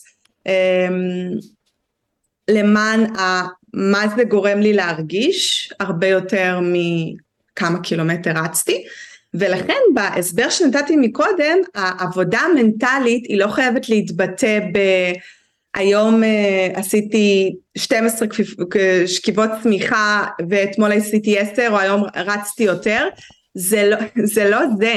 זה בכלל על ה... נגיד אתמול הלכתי לישון מאוחר וישנתי פחות שעות ועדיין אני קמה והולכת. זה, זה הרבה על כל ההתמודדות זה יכול להיות בתוך האימון זה יכול להיות סביב האימון. יש שם התמודדות מנטלית כל אחד ואיפה שזה פוגש אותו. יש אנשים שה... שהמדידה היא מדרבנת אותם. נגיד אני יכולה להגיד לך שבענפי ספורט שהם משחקיים אני מאוד מאוד שואפת כל הזמן להשתפר ולנצח, זאת אומרת אם אני אלך לשחק עכשיו משהו מול מישהו, אני מאוד מאוד מאוד תחרותית, אבל אם נגיד אני עושה משהו לעצמי, ברמת הריצה, ברמת ה...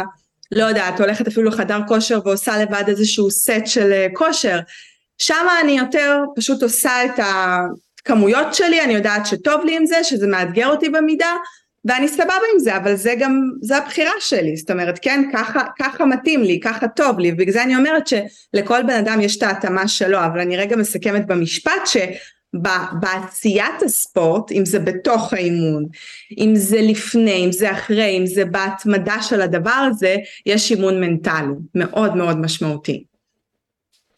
אני רוצה לקחת שנייה פאוס, כן? כי אנחנו דיברנו על הרבה פה נושאים ו- וממש טובים, ואני רוצה שאנחנו נדבר גם על העניין הזה של ההתמקצעות בתוך עצמנו, להבין את מי אנחנו, לפענח את עצמנו. וככה אנחנו מגלים את עצמנו, כלומר הניסוי וטעייה הזה שדיברתי עליו לפני כן. ואני רוצה לשאול אז, בנוגע לחוסן המנטלי הזה, האם בהכרח כל אחד מאיתנו צריך את הפסיכולוג הזה, שמספיק שאנחנו נחפור את עצמנו? כלומר, אני, אני אומר, אני מבין את הצורך הזה שיש מישהו אחר שיסתכל עליך וייתן לך תובנות אחרות שאתה לא יכול להגיד על עצמך, אבל האם בהכרח כל אחד מאיתנו צריך את זה, לדעתך נטע? צריך את מה? צריך, צריך, צריך מישהו שבאמת אה, יתעמק לתוכנו, כלומר פסיכולוג כזה, או מאמן, או קואוצ'ר. Okay. אוקיי. אז, אז אני אגיד לך דבר כזה, אני חושבת שכל אחד מאיתנו צריך את זה באיזושהי צורה. עכשיו מה זה אומר איזושהי צורה? זה אומר שמישהו ילך ויקרא ספר, מישהו יקשיב לפודקאסט, מישהו ילך לאיזשהו תהליך קואוצ'ינג פרטני ומישהו יעשה איזושהי סדנה או ילך לאיזושהי הרצאה. כולנו בסוף יש לנו את ה-level הבא שלנו. והכל היא שאלה של כמה אנחנו במוכנות וברצון להתפתח ולהכיר את עצמנו טוב יותר. כן יש אנשים שזה מבחינתם must ויש אנשים שהם יכולים להסתדר בלי זה ועדיין לחיות חיים טובים ומאושרים. זה מאוד מאוד תלוי מה נקודת פתיחה של כל אחד, אבל אין ספק שלכל אחד בכל שלב בחיים יש את הנקסט לבל וזה לא משנה מה הוא השיג מבחינה חומרית ומבחינה אה, יותר ככה רוחנית ורגשית, תמיד יש את ה-level הבא, ופה השאלה של כמה בן אדם רוצה וכמה הוא מוכן לעשות את העבודה, כי בסוף אתה יודע למה קוראים לזה התפתחות אישית, זה כשאנחנו מתפתחים אנחנו בעצם הולכים ועושים שם עבודה ואז אנחנו מקלפים מעצמנו עוד ועוד שכבות.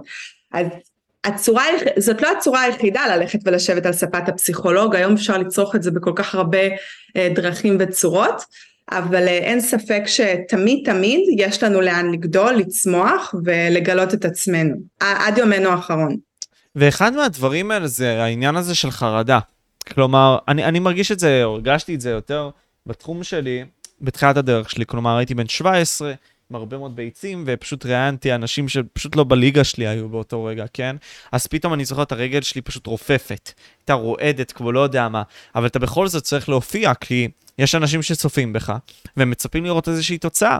ואני מדמה את זה גם לענף שלך, נטע, אז כלומר, בהתעמלות אומנותית, יש אנשים שצופים בך, את סיפרת את זה שנגיד סתם היה לך את המשקל העצום הזה לפתע, את ב-2016 לקחת דגל איתך, כלומר, זה כל כך הרבה משקל, ואז אתה אומר לעצמך, איך מתבוננים עם חרדה? כלומר, את כספורטאית, או אנחנו כבני אדם שמנסים לעשות משהו שונה ומיוחד בחיים שלנו, איך אנחנו בעצם מתמודדים עם החרדה הזאת?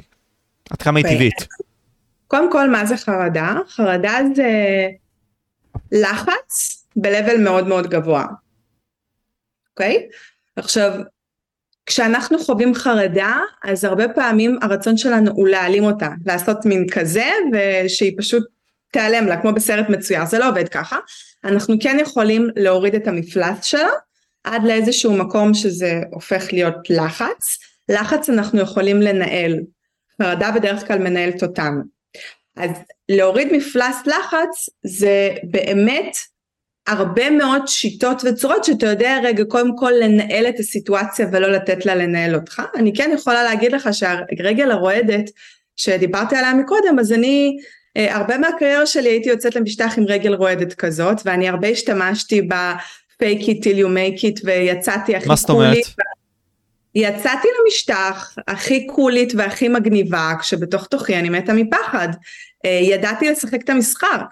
אה, ידעתי להעמיד פנים בצורה מאוד מאוד מרשימה ואז מה שקרה זה שהייתי מתחילה את התרגיל כשאני בתוך תוכי ממש ממש רועדת ותוך כדי התרגיל התחלתי לקבל יותר ויותר ביטחון. זה משהו שהיה קורה לי הרבה לאורך הקריירה ופשוט ידעתי לשחק עם זה מבפנים ואף אחד לא היה רואה את זה כלפי חוץ וזה שם קוד למשהו שאני מאוד מאמינה בו. בסוף אם אני היום מפחדת ממשהו אז להגיד לעצמי טוב אני צריכה קודם כל להרגיע את עצמי ושאני לא אפחד ואז אני אצא ויעשה. אז אה, צר לי לאכזב את כל מי ששומע במקרה הזה לא נצא אף פעם. אמ, אני הרבה מהפעמים יצאתי למשטח כולל בפעמים שעשיתי באמת את ההישגים הכי משמעותיים שלי בתור מתעמלת. כשבפנים רעדתי מפחד אבל מה כן הייתי? הייתי מאוד מאוד אמיצה ויצאתי למרות הפחד, יצאתי ביחד איתו ובאיזשהו שלב תוך כדי התהליך הוא פשוט התמוסס ונעלם כי הייתי מספיק אמיצה לצאת למרות שחוויתי אותו.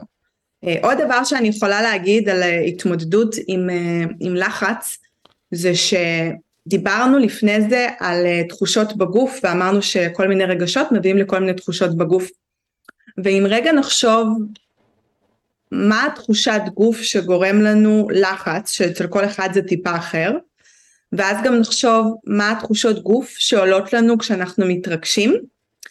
אנחנו נראה שזה כמעט זהה לחלוטין.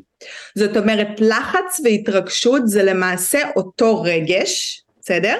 כשדיברנו על פרשנות אז לחץ זה הפרשנות השלילית והתרגשות זה הפרשנות החיובית. ואם אנחנו רק נחליט שאנחנו קוראים ללחץ התרגשות, אנחנו כבר נראה איזושהי פעילות והנאה אחרת לגמרי זה ככה, אתה יודע, הטיפ הכי פרקטי שאני יכולה להגיד שאפשר להשתמש מעכשיו לעכשיו, והוא באמת אה, יגרום לכם להרגיש יותר טוב עם עצמכם. כלומר, לקחת את השלילי ולהפוך אותו לחיובי רק מהמינוח עצמו, שזה דבר מאוד חזק. אה, יש, אה, זה, זה משהו שלא דיברנו עליו, וזה גם כלי מנטלי מאוד חשוב שאני עובדת איתו הרבה עם אנשים, הקפדה, אבל ממש ממש טוטאלית, על השפה שלנו, שזה גם שפת דיבור וגם שפת חשיבה. למה ככה? כלומר, זה, זה עד כדי כך משנה אם אני נגיד סתם אומר, אה, לא יודע, דברים רעים על עצמי או מבקר את עצמי, איך כן. זה משפיע? כן, בגלל שהמוח שלך, הוא לא יודע להבחין בין, אני אומר את זה סתם, אני לא באמת מתכוון לזה. אני ציני.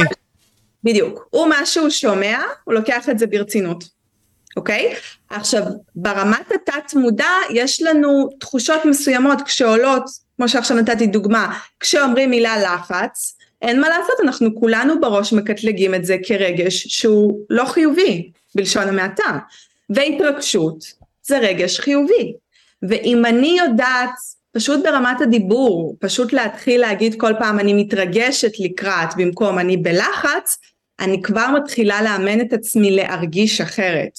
והשפה שלנו היא מאוד מאוד משפיעה עלינו, ואני אדגיש עוד פעם, כשאני אומרת שפה זה לא רק כשאנחנו מדברים עם חבר, זה גם השפה שבה אנחנו מדברים עם עצמנו בראש, ובעיקר בעיקר על איך אנחנו מדברים עם עצמנו בראש, כי שם אנחנו מקשיבים לעצמנו רוב הזמן. כי אני אגיד לך מה נטע, כלומר, אני נמצא בפייס כזה שאני מאוד מבקר את עצמי. אני רואה את uh, משה ב-2022, סתם דוגמה, בין 20, בין 20, וואי, מה יש לי? בין 22, ואני אומר לעצמי, אוקיי, אני מתקדם, אבל זה לא איפה שאני רוצה להיות, ולפעמים אתה אומר לעצמך דברים כמו, אני אפס, אני כן בדרך הנכונה, אבל אני לא עושה מספיק. כלומר, את, אני בטוח, ניסית להבין ולהתיידד עם המבקר הזה שיש לך בראש שם. איך אפשר להתיידד עם הבן אדם הזה שכל הזמן מצפה ממך ליותר, ואומר, אתה לא עושה מספיק? אוקיי, אז אני רגע אסביר לך, דווקא אסביר לך למה זה לא טוב לעשות את זה, ואז ביחד נבין אה, איך מתמודדים עם זה. אה, כשאתה אומר לעצמך, נתת פה דוגמה מעולה, כשאתה אומר לעצמך, אני אפס, אתה בעצם, מה שאתה עושה, אתה דורך לעצמך בכל הכוח על הערך העצמי שלך. כשהערך העצמי שלך ברצפה, אי אפשר משם להשתפר, זה לא עובד ככה כי אתה מרגיש שאתה לא שווה כלום. מה שאני כן מעודדת לעשות, זה אפשר להעביר ביקורת על הפעולות שלי. זאת אומרת, אם עכשיו לא הייתי טובה בתחרות, אני לא מצפה רק להגיד לעצמי, לא נורא חמודה, פעם הבאה זה יצליח. זה לא הרעיון, אני יכולה להגיד, אה, אני לא מרוצה מהתפוקה שלי בתחרות הזאת, אני לא עמדתי במטרה, אה, אני צריכה להתאמן בצורה יותר חזקה, להגדיל היקף שעות אימון, להיות יותר מרוכזת uh, באימונים uh, וכו' וכו' וכו', אבל להעביר את הביקורת על הפעולות ולא עלינו, כשאנחנו מעבירים ביקורת עלינו, אני לא מספיק טובה, אני אפס, לא יוצא לי משום דבר, אני כישלון, אני מורידה לעצמי את הערך העצמי. הערך העצמי שלנו לא אמור לזוז אף פעם, הוא אמור להיות תמיד מאוד גבוה, גם כשאנחנו על גג העולם וגם כשאנחנו לא מצליחים. ערך עצמי לא קשור לאכזבה, אני יכולה להיות באכזבה ובעצבות ובבאסה ועדיין להרגיש ראויה ושווה ואלופה ומצליחה. זאת אומרת, אם אנחנו בתקשורת טובה עם עצמנו, כך זה אמור להיראות. ואני, מה שנקרא, סבלתי מפרפקציוניזם מאוד מאוד אה, לא קטן, והרבה שנים גם אצלי היה את הדריסה העצמית הזאת, ועם השנים למדתי שבסוף הדרך הבאמת יעילה זה לא להיאבק בעצמי, אלא רגע ללכת יד ביד עם עצמי. ואיך עושים את זה? קודם כל לא, לא לדרוס את הערך העצמי שלנו, ממש כמו שהסברתי מקודם. אז זה, זה די לוקח אותי למקום הזה של הביטחון העצמי, שהוא כל כך חשוב. כלומר, את דיברת נגיד סתם על זה שנכנסת כבר, ל... סתם דוגמה, למתחם הזה שאת כבר באיצטדיון, אני נמצאת שם, עוד שנייה עושה את התרגיל והכל, ואת בלחץ, אבל כשאת נכ... נכנסת ואת עושה את הדברים נכון, לאט לאט את צוברת את הביטחון העצמי שלך. וזה דבר מאוד חשוב, כי זה עוזר לך למומנטום הזה. אז אני אומר, עד כמה באמת חשוב ליצור את המומנטום הזה עם עצמנו כל יום ויום, כלומר, כמה חשוב כל הזמן למדוד ולבחון את זה שאנחנו מתקדמים ואנחנו עושים את הצעדים ואנחנו בעצם עשינו את מה שהיינו אמורים לעשות היום. חשוב למדוד, חשוב לשים מטרות, וחשוב גם כל יום לעשות לפחות משהו אחד קטן שמפחיד אותנו. כי אז אנחנו מכריחים את עצמנו לצאת מהאזור המוכר והנוח. עכשיו, למה חשוב לשים מטרות? חשוב לשים מטרות כי כשאנחנו לא מבינים בוודאות מה אנחנו רוצים להשיג, גם הריכוז והפוקוס שלנו מאוד מאוד מפוזר. כשאני יודעת מה המטרה שלי, אם יש לי איזשהו יעד כספי או איזשהו הישג או פרס מסוים שאני רוצה לזכות בו, אני עם כל האנרגיה שלי, עם כל הכוונה שלי, עם כל היכולות שלי, אני מתפקסת להשיג את המשהו הזה ששמתי את זה לעצמי למטרה. ובסוף ככל שאנחנו מציבים לעצמנו יותר מטרות, אנחנו מגיעים יותר רחוק, וגם אם אנחנו נגיד לא מגשימים או משיגים את המטרות במאה אחוז, אנחנו בזכות הצבת המטרות מגיעים הכי קרוב שאנחנו יכולים מבחינת מקסום הפוטנציאל שלנו. אה. כי אתה יודע, יש משפט כזה שאני, הרבה פעמים המתאמנים שלי אה, אומרים לי אותו, אתה יודע, נגיד אני עובדת עם, אה, כשאני עובדת עם ספורטאים, אגב אני עובדת לא רק עם ספורטאים, אני עובדת גם עם, עם ארגונים ועם עצמאים, אבל יש משהו כזה אצל ספורטאים שהם הרבה פעמים אומרים לי, אני אומרת להם מה המטרה שלכם בתחרות הקרובה, עוד לפני שהסברתי להם איך מציבים מטרות נכון, הם אומרים לי לעשות את הכי טוב שלי. רק אלוהים יודע מה זה לעשות את הכי טוב שלי. עכשיו מה קורה בלעשות את הכי טוב שלי? זה משהו שהוא מאוד מעומעם, מאוד לא מדיד, זה נגיד מטרה מאוד מאוד לא טובה, היא לא מנוסחת טוב, בסדר? ויש משהו במטרה הזאת שמאוד בסוגריים מפחד להציב משהו יותר קונקרטי, כי אז אם אני לא אצליח, איך אני אתמודד עם זה שלא הצלחתי. לעשות את הכי טוב זה משהו כזה, אתה יודע, לא גנרי לא כזה. כן, זה כזה. אני אומרת להם, אני רוצה מטרה, שכשאני אבוא לתחרות, יהיה לי מאוד ברור בשנייה שהתחרתם אם הצלחתם או לא. הבנתי. כשאנחנו מספיק אמיצים לשים מטרות, אנחנו גם מאמנים את עצמנו לזה, שאנחנו לא תמיד נגיע, יהיו פעמים שלא נצליח לעמוד ביעדים עצמא, של עצמנו. וגם את זה אני מלמדת להתמודד עם זה, זה בסדר, זה חלק מהתהליך, אני אומרת תהיו אמיצים, תלמדו לשים מטרות ולשים מטרות גדולות, בסדר? יהיו פעמים שתגיעו, יהיו פעמים שלא תגיעו ואז צריך גם להתמודד עם הלא הגעתי, מה אני עושה, איך אני מסיק מסקנות, מה צריך לשפר, להבין שאני עדיין עם אותו ערך עצמי גבוה, הוא לא נהיה נמוך יותר כי עכשיו לא השגתי את המטרה שלי, זאת אומרת יש שם הרבה עבודה מנטלית, בסוף מי שיותר אמיץ, אמ, אני אגיד שזה חלק אולי אחד החשובים במי שבסוף עושה את הדברים הכי בומבסטיים והכי גדולים ובאמת מצליח בענק, זה תמיד אנשים שהם מאוד מאוד אמיצים. אומץ זו תכונה מאוד חשובה, לא היחידה, אבל מאוד מאוד חשוב שיהיה לנו אותה כדי, כדי להצליח. עכשיו להצליח זה לא רק um, לזכות במדליית זהב או להרוויח איזשהו סכום כסף אסטרונומי, להצליח זה גם להרגיש מימוש עצמי, להרגיש סיפוק עצמי, להרגיש משמעות, להרגיש תחושה טובה, זה גם הצלחה. אבל, כמו שאמרנו מקודם, בואו תגדירו מה המטרה שלכם, אם אני היום בחרדות, יכול להיות שהמטרה שלי זה להרגיש שלווה, כן. זה אחלה מטרה. ככל שאני ממקדת אותה יותר, אני יודעת לאן אני רוצה לנוע ומה אני רוצה להשיג שם בסוף. זה מאוד חזק מה שאמרת פה נטע, כלומר, אתה יכול סתם דוגמה להגיד, אני עושה את המקסימום שלי, אבל סתם דוגמה, אני לוקח את זה למין סוג של ספינה או סירה שאנחנו סתם דוגמה משיתים. אני יכול להגיד סתם, טוב, אני אעשה את הכי טוב שלי, אני אזוז. אבל לאן אתה זז? אתה לא יודע, כי אתה לא שמת את זה במטרה קונקרטית. זה בדיוק החוסר פוקוס, בגלל זה אני אומרת. הצבת מטרה היא לוקחת את כל האנרגיה שברשותנו וזה כמו לייזר, אנחנו את כולם מכוונים לדבר הזה שאנחנו רוצים להשיג. וזה לא הולך סתם על פרש לכל מקום, זה ממוקד למקום שאותו אנחנו רוצים להשיג. עכשיו, אם אני אדע לשים את המטרה, גם יהיה לי יותר קל לסנן רעשי רקע. כי זה יגרום לי להבין בצורה מאוד מאוד ברורה מה מקדם אותי, מה לא מקדם אותי ומה מסית אותי. אם אנחנו לא נציב מטרה, יהיה הרבה יותר קשה להבין איפה עובר הגבול בין מה טוב לי ומה לא טוב לי. ויש פה קטע עוד מסוים, נטע, שאני אשמח שנתעכב עליו, כלומר, על העניין הזה של מטרות, כלומר, כמות המטרות. כלומר, זה סבבה להציב מטרה. שתיים, שלוש. לכמה זמן, אני לא יודע, אבל שאלה מעניינת. יש פה כאלה שמנסים להציב עשר במקביל, ומנסים להגיע לכולם, אוקיי, אז אה, באמת, איך אנחנו עושים את זה? כי נגיד סתם, אני מכיר חברים שלי, וגם אני כזה, אוקיי? אני, אני, אני מנסה גם כלכלית להיות מאוד, אה, בוא נגיד ככה, עמיד, מצד שני גם להיות מאוד פופולרי, מצד שלישי גם לעמוד על העקרונות שלי, מצד רביעי גם, את יודעת, אה, להצליח בצבא, כאילו, כל כך הרבה מקומות, כל כך הרבה פיזור, השאלה היא, כמה, מטר, כמה מטרות צריך שיהיה לנו בשביל להגשים מטרות, וזה תעדוף אני מניח.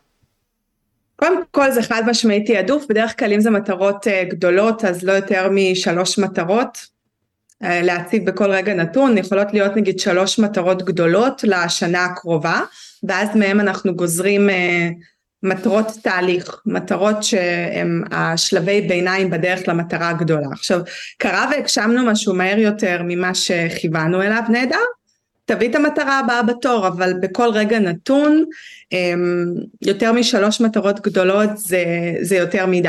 זאת אומרת, ככה הפוקוס מספיק בדיוק כדי לגרום לאיזושהי התקדמות ושיפור בכל אחד מה, מהמסלולים. כי אני נגיד עשיתי עשר מטרות לשנה האחרונה, כן? ווואלה, להגיד לך שפגעתי בכולם? לא. אה, האמת דווקא הפוך, נראה לי בגלל החוסר פוקוס, כאילו, היה פה, היה פה ניסיון לפוקוס, סבבה? אבל בגלל שהיה פה כל כך הרבה נקודות להתמקד בהן, זה כאילו אתה מחמיץ את כולם כמעט. כלומר, אתה לא פוגע בגלל שיש לך כל כך הרבה מהם. בדיוק, אז אני חושבת שכאילו מה שאתה עכשיו משתף על עצמך, זה מאוד מאוד מחזק את מה שאני אמרתי. אני כן אגיד שהרבה פעמים כשאנחנו פועלים להשיג מטרה מסוימת, אנחנו פתאום מבינים שעל הדרך גם הגשמנו לעצמנו כמה דברים אחרים. אבל זה קורה כהתגייסות לתהליך. אני חושבת שמבחינת ראייה של הנקודה הסופית, ככה אני מאמינה, ככה אני עושה וככה אני מלמדת, שלוש מטרות גדולות בכל רגע נתון, כמובן כל אחת בככה תחום טיפה אחר. איך שמשהו, מה שנקרא, הגענו ליעד, אין בעיה, מה שנקרא מביאים את הבאה בתור, אבל יותר מזה זה כבר גורם לחוסר פוקוס, ואז אנחנו כאילו מתקדמים בכל מקום טיפה, ו- וזה לא, זה לא מספיק אפקטיבי. כלומר, אנחנו כן. רוצים להגיע ליעד ולא רק להרגיש שהתקדמנו, נכון? אז לכן חשוב רגע לעשות את זה step step. בסוף צריך להבין שה multitasking הזה שגם מדברים עליו הרבה, אמ, מעטים האנשים שבאמת יכולים לנהל multi, multitasking אפקטיבי. אה, אנחנו כן רוצים לבנות את הבניינים שלנו אחד אחד, זאת אומרת אם אני רוצה עכשיו לבנות אה, שכונה, אני לא אתחיל לבנות 20 בניינים במקביל, אני אסיים את הראשון, אעבור לשני, אעבור לשלישי, וככה גם עם מטרות, זה בדיוק אותו דבר. אני חושב שזו תובנה מסוימת, כלומר של ה multitasking של אנשים שהם נמצאים בעמדה מאוד uh, פריבילגית. ככה אני מסתכל על זה, למה? כי הם, הם כן מתפקסים כשהם עושים את הדברים, אבל הם מתעסקים בכל כך הרבה תחומים, בין אם זה האילונים למיניהם, סתם, סתם דוגמה אילון מאסק, אוקיי? אז יש לו מלא חברות, אבל איך הוא עושה את זה? יש לו צוותים שמנהלים את זה, והוא מתפקס פשוט פר מטרה, פר עניין, פר, פר סיטואציה. היום הוא כבר במקום שאולי כלפי חוץ זה נראה לנו ככה, אבל כמו שאמרת בסוף ב... ב-day to day זה באמת צוותים ואנשים והרבה מאוד כוח אדם שמנהל את הדבר הזה. ואני חושבת שגם כשיש לנו יותר מדי מטרות, זה גורם אצלנו להרבה תסכול. וואו, ספרי לי על זה. אנחנו רוצים להגיע ליעד בסוף, ולא רק להשתפר, ובגלל זה אנחנו מציבים את המטרות. וזה קצת בא, אני אומרת את זה בסוגריים, ממקום של חמדנות, כי כאילו בא לנו גם את זה וגם את זה וגם את זה וגם את זה, מגניב, אפשר להגשים הכל, אבל בניין בניין. כלומר, הרשתות, הרשתות בונות את זה, כלומר, באיזשהו מקום, כי הם אומרים, אתה צריך להגיע מהר למטרות שלך, אתה צריך להגיע לשם, אם אתה לא עושה את זה, אתה, אתה בכוונה עושה את זה, אתה לא, אתה לא מגיע לך להצליח. כאילו, כל המסרים האלה, שמאוד טוקסיקים בעצם יורדים עלינו. עכשיו, יש כאלה שלוקחים את זה לקיצון, ואומרים, נגיד סתם, ה-30 זה ה-20 החדש. יש משפטים כאלה שאומרים. אני לא מסכים איתם. אני אגיד לך משהו על הרשת. אמ, רשתות היום זה מקום שיוצר המון פומו. אמ, פומו זה הפחד מזה שפספסנו משהו משמעותי וחשוב. אה, זה איזה מושג שנטבע בשנים האחרונות. באמת. תשמע, אני חושבת שאין כל צל של ספק שהרשתות, כשבן אדם נמצא לא בטוב, הרשת, מה שנקרא, מורידה אותו עוד יותר למטה. רשתות צריך לדעת איך זה עובד. כשאנחנו מביאים את ה, מבינים את המכניקה של זה מאחורי הקלעים, אנחנו גם יודעים רוב הפעמים, למרות שהרבה דברים קורים בתת מודע, לקחת את זה בעירבון מוגבל, ואנחנו מבינים שבן אדם בוחר מה להראות, ובוחר מה להגיד. אמ, אם הוא מראה צד אחד של החיים שלו, שרוב האנשים זה מה שהם עושים, ואם הוא פשוט בוחר איזה מסרים הוא אומר, אגב זה לא חייב להיות משהו שהוא מאמין בו, זה לא חייב להיות uh, אמת לאמיתה, זה פשוט משהו שבן אדם פותח מצלמה ומחליט להגיד, וזה משפיע עלינו בצורה מסוימת. וחוץ מזה, אה, יש כל מיני אג'נדות וכל מיני תפיסות וכל מיני גישות וכל העניין הזה של השלושים זה העשרים החדש אז אתה יודע אז יבוא מישהו בגיל מסוים יגיד יואו זה באסה ויבוא אחד אחר ויגיד כן זה המשפט בשבילי ובגלל זה אני אומרת צריך כל דבר כזה ששומעים לבדוק איפה זה פוגש אותנו מתאים לי להכניס את זה לבועה שלי שלא מתאים לי. כי יש לנו המון מסרים, לא כל אה, ציטוט ששומעים הוא נכון והוא תקף לכולם, אה, ואני מאוד מאוד בעד אה, לברור באופן כללי, גם אם זה משפטי סטייל מוטיבציה והשראה, זה לא הופך אותם לנכונים, זה בסוף ציטוט של איזשהו בן אדם שרוב הפעמים השיג איזשהו משהו בחיים שלו, אבל אין דרך אחת להצלחה, יש המון דרכים להצליח. ולכן תמיד לשאול את עצמנו איפה זה פוגש אותנו, זאת שאלה מאוד מאוד חשובה, לא לקחת כל דבר כעובדה. אני חושב שזה מגיע למקום די רדוד שלנו, כלומר, בהתפתחות האישית. אנחנו מגיעים לשלב הראשון כזה, ככה אני רואה את זה, כן? יש את השלב של לפני הפילוסופיה, שזה נגיד סתם ספרי העזר, והאנשים המפורסמים האלה, הגרי וי למיניהם, כל מיני כאלה שאומרים לך, אתה חייב לעשות, אתה חייב להיות ב hustle, טק, טק, טק, טק, טק. אבל בפועל, בחיים האמיתיים זה הרבה יותר מורכב מזה, אז אתה יורד לפילוסופיה, אתה מנסה להבין פילוסופיה. אחרי זה אולי אתה מנסה לרדת יותר ולשאול אנשים שבשטח מצליחים. ולא כל מי שברשת החברתית, עם הרבה מאוד מספרים. כלומר, יש לנו נגיד סתם אנשים עם הרבה מאוד צפיות, ואתה אומר, טוב, הם המורים לחיים שלי, נגיד סתם למה לעשות, כן? מצד שני, הם לא מומחים לכלום, כלומר, הם פשוט אנשים מספר, הצליחו בגלל משהו, בגלל שלא יודע, הם מבדרים והכל, והם נותנים עצות לחיים, אבל למה להקשיב להם לאיך לבנות עסק, סתם דוגמה, בחלק מהמקרים, כשאתה יכול לשאול או לנסות לפנות למישהו שכבר יש לו עסק, והוא מצליח בשטח, ולהבין ממנו את זה. חד משמעית, בסוף תמיד אה, הבן אדם הזה שאנחנו הולכים אה, אה, לשמוע אותו וללמוד ממנו, מה שנקרא קו מנחה מספר אחת זה לבדוק אם הוא השיג את מה שאנחנו רוצים להשיג לעצמנו. אם כן, אז כן בן אדם שאפשר להתייעץ, לשאול, להקשיב, וגם שם אני תמיד אומרת, אין דרך אחת נכונה, אנחנו כולנו אנשים שונים עם מבנה אישיות שונה, ולכן מה שטוב ברשת, אני גם מדבר על מה שטוב ברשת, זה יש לנו את היכולת להתחבר לצד אישיותי של בן אדם, זאת אומרת אם אני משתפת את העוקבים שלי באיפה אני מתאמנת ומה אני אוכלת ולאן אני הולכת לבלות, הם גם לא רק מכירים את נטע הספורטאית האולימפית והמאמנת המנטלית וזאת שמלמדת אותנו איך להתמודד טוב יותר עם פחדים, הם גם פתאום כזה מכירים אותי, כאילו קצת, כאילו הם חברים שלי, וזה הרבה פעמים מה שיוצר חיבור מאוד חזק או חוסר חיבור. זאת אומרת הרי לכולנו יש את הקטע הזה שאנחנו גוללים ויש מישהו שלא בא לנו בטוב. עכשיו לא כי הוא לא טוב במקצוע שלו, פשוט בן אדם שלא בא לנו בטוב. או הפוך. ולכן אני חושבת שמהבחינה הזאת הרשת היא מקום מעולה רגע להבין קצת אה, מי נמצא שם מאחורי הדמות הסמכותית. וזה מה שגורם לך להחליט אם אתה רוצה להקשיב לו או לא. לגמרי. ואת נמצאת היום בפייס הזה, כלומר, של המאמנת המנטלית. איך את מרגישה איתו? כלומר, את אומרת שאת בסיפוק עם כל הדברים שאת עושה ואת נהנית מזה. תרחיבי לי על זה אם את יכולה, נטע. אני מאוד אוהבת את העשייה שלי, אמ, אני חושבת שאחד הדברים המשמעותיים שקורים לי שם זה שאני מרגישה הרבה משמעות, זאת אומרת אה, בסוף ההצלחה של המתאמנים שלי ושל הלקוחות שלי זה הצלחה שלי, אני חווה דרכם את הסיפוק. אמ, אני בעצם רואה את עצמי כמעין, בוא נקרא לזה איזושהי מכוונת או מורת דרך שמחזיקה אותם יד ליד ועוזרת להם להגיע מנקודה A לנקודה C, עוזרת להם להגשים את החלום שלהם, אה, להשיג את המטרה שלהם. ואחד הדברים ש... מאוד דחפו אותי לעשות את זה, זה כשאני הייתי ספורטאית אז uh, לי העמדה הזאת פחות הייתה מאוישת.